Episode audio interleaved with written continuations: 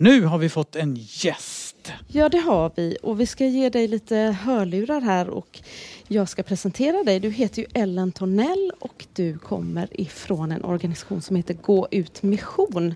Precis. Hej och välkommen. Tack så mycket. Kul att vara här. Ja, jättekul att ha dig här.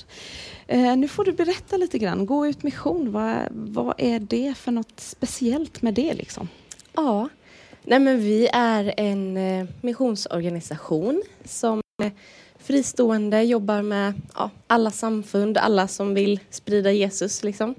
Eh, och vi jobbar framförallt med eh, församlingsplantering eh, på pionjära platser. Så vi planterar församlingar både i Sverige och eh, utöver världen. I Västafrika, i Sydostasien och lite här och var. Och sen så har vi ja, men mycket fokus på att utrusta och träna nästa generations missionärer. Så att vi eh, ja, satsar på Engage bland annat där vi har en hel dag liksom med missionsfokus för ungdomar och har en falang som heter Young Missionaries där vi tar ut 15 till 20-åringar på liksom, testmissionsresor till lite mm. närmare fält i Balkan och sådär så man får ja, testa på och väcka ett missionsintresse och sådär. Mm. Eh, och sen när vi är utomlands på fält då, då så jobbar vi mycket med kampanjmission. Mm. Så vi brukar åka till ja, Västafrika, Sydostasien och ha samlat till stora möten, Jesusfestivaler kallas lite olika beroende mm. på vart man är i världen. Där, ja, där vi ja, presenterar Jesus, proklamerar evangeliet i andens kraft enkelt för alla folk.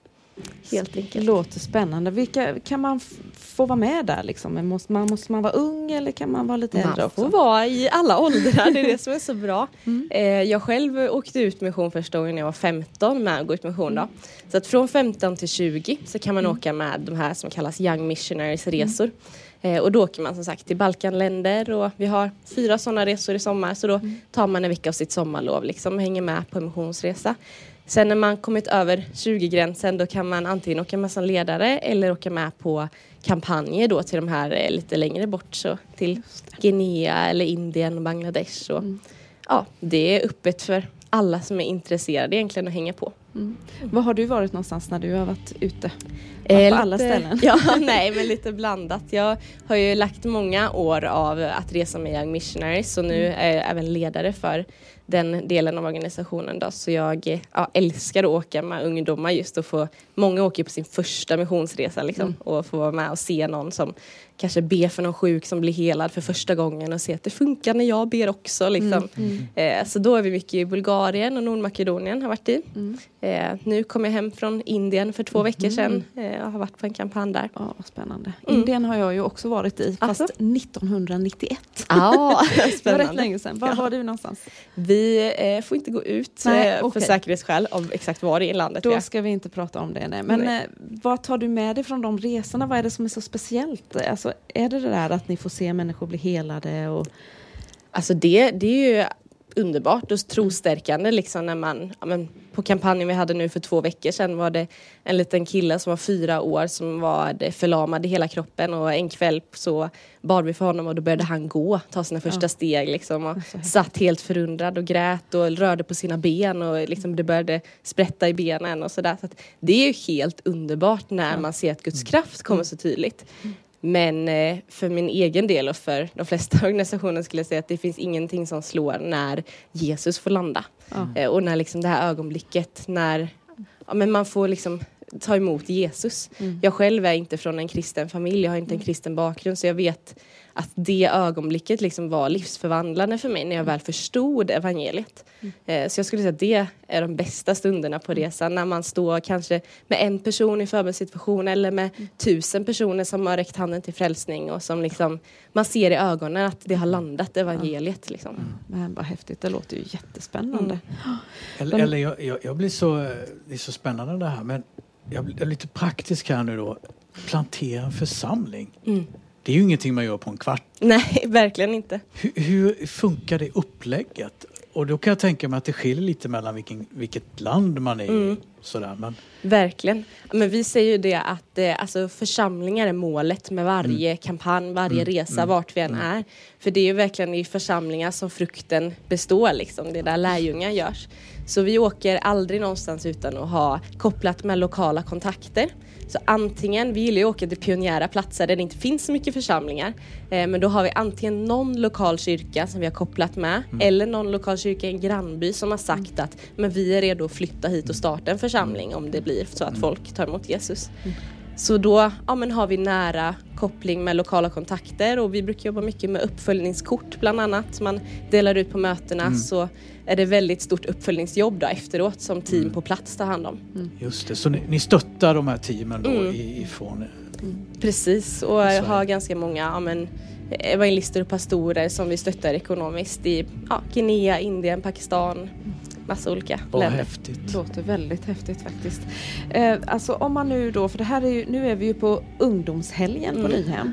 Eh, och då tänk, kanske man ska fokusera oss på just ungdomar. Om man är ung och så känner man att jag vill verkligen testa på mission. Då är det ju kanske ganska smart att börja med en vecka på en sommar. Då. Men hur, hur går man tillväga? Hur gör man?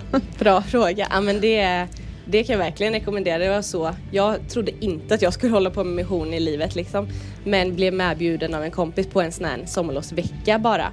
Och där la Gud ner något som har fått växa. Så att det, sådana veckor förvandlar liv, både ens egna och de man möter. Och då har vi, ja, vi står i montern här uppe, man kan komma och prata med oss. Om man då. är på Nyhemsveckan ja. Eh, Och annars så kan man gå in på eh, vår hemsida, gautmission.org. Och där finns en eh, del som heter Young Missionary, så där kan man ansöka till resorna.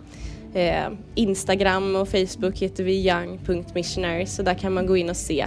Vi har ganska högt tryck i sommar så just nu är det, det är bara en resa kvar som man kan anmäla sig till. Då. Eh, så första till 7 augusti Ja. eh, kan man få åka med till Nordmakedonien med mig bland Ja. annat och några fler som ska på ja, lite runtretande evangelis- evangelisation. Så. Ja.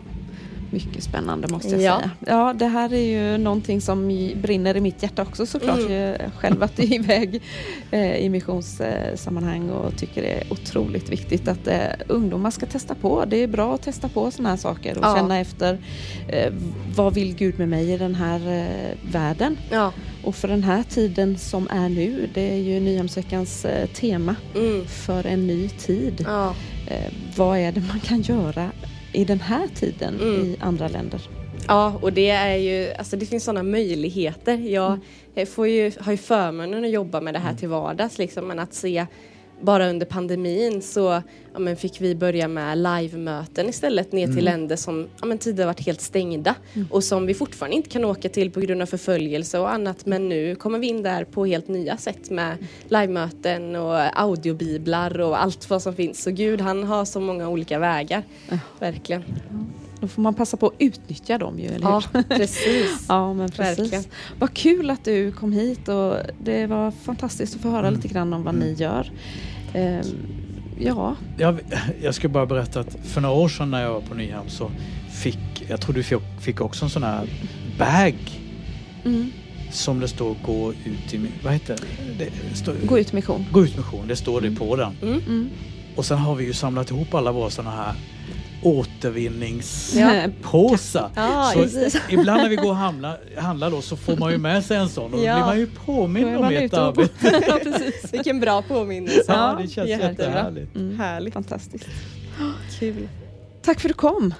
Tusen tack. Eh,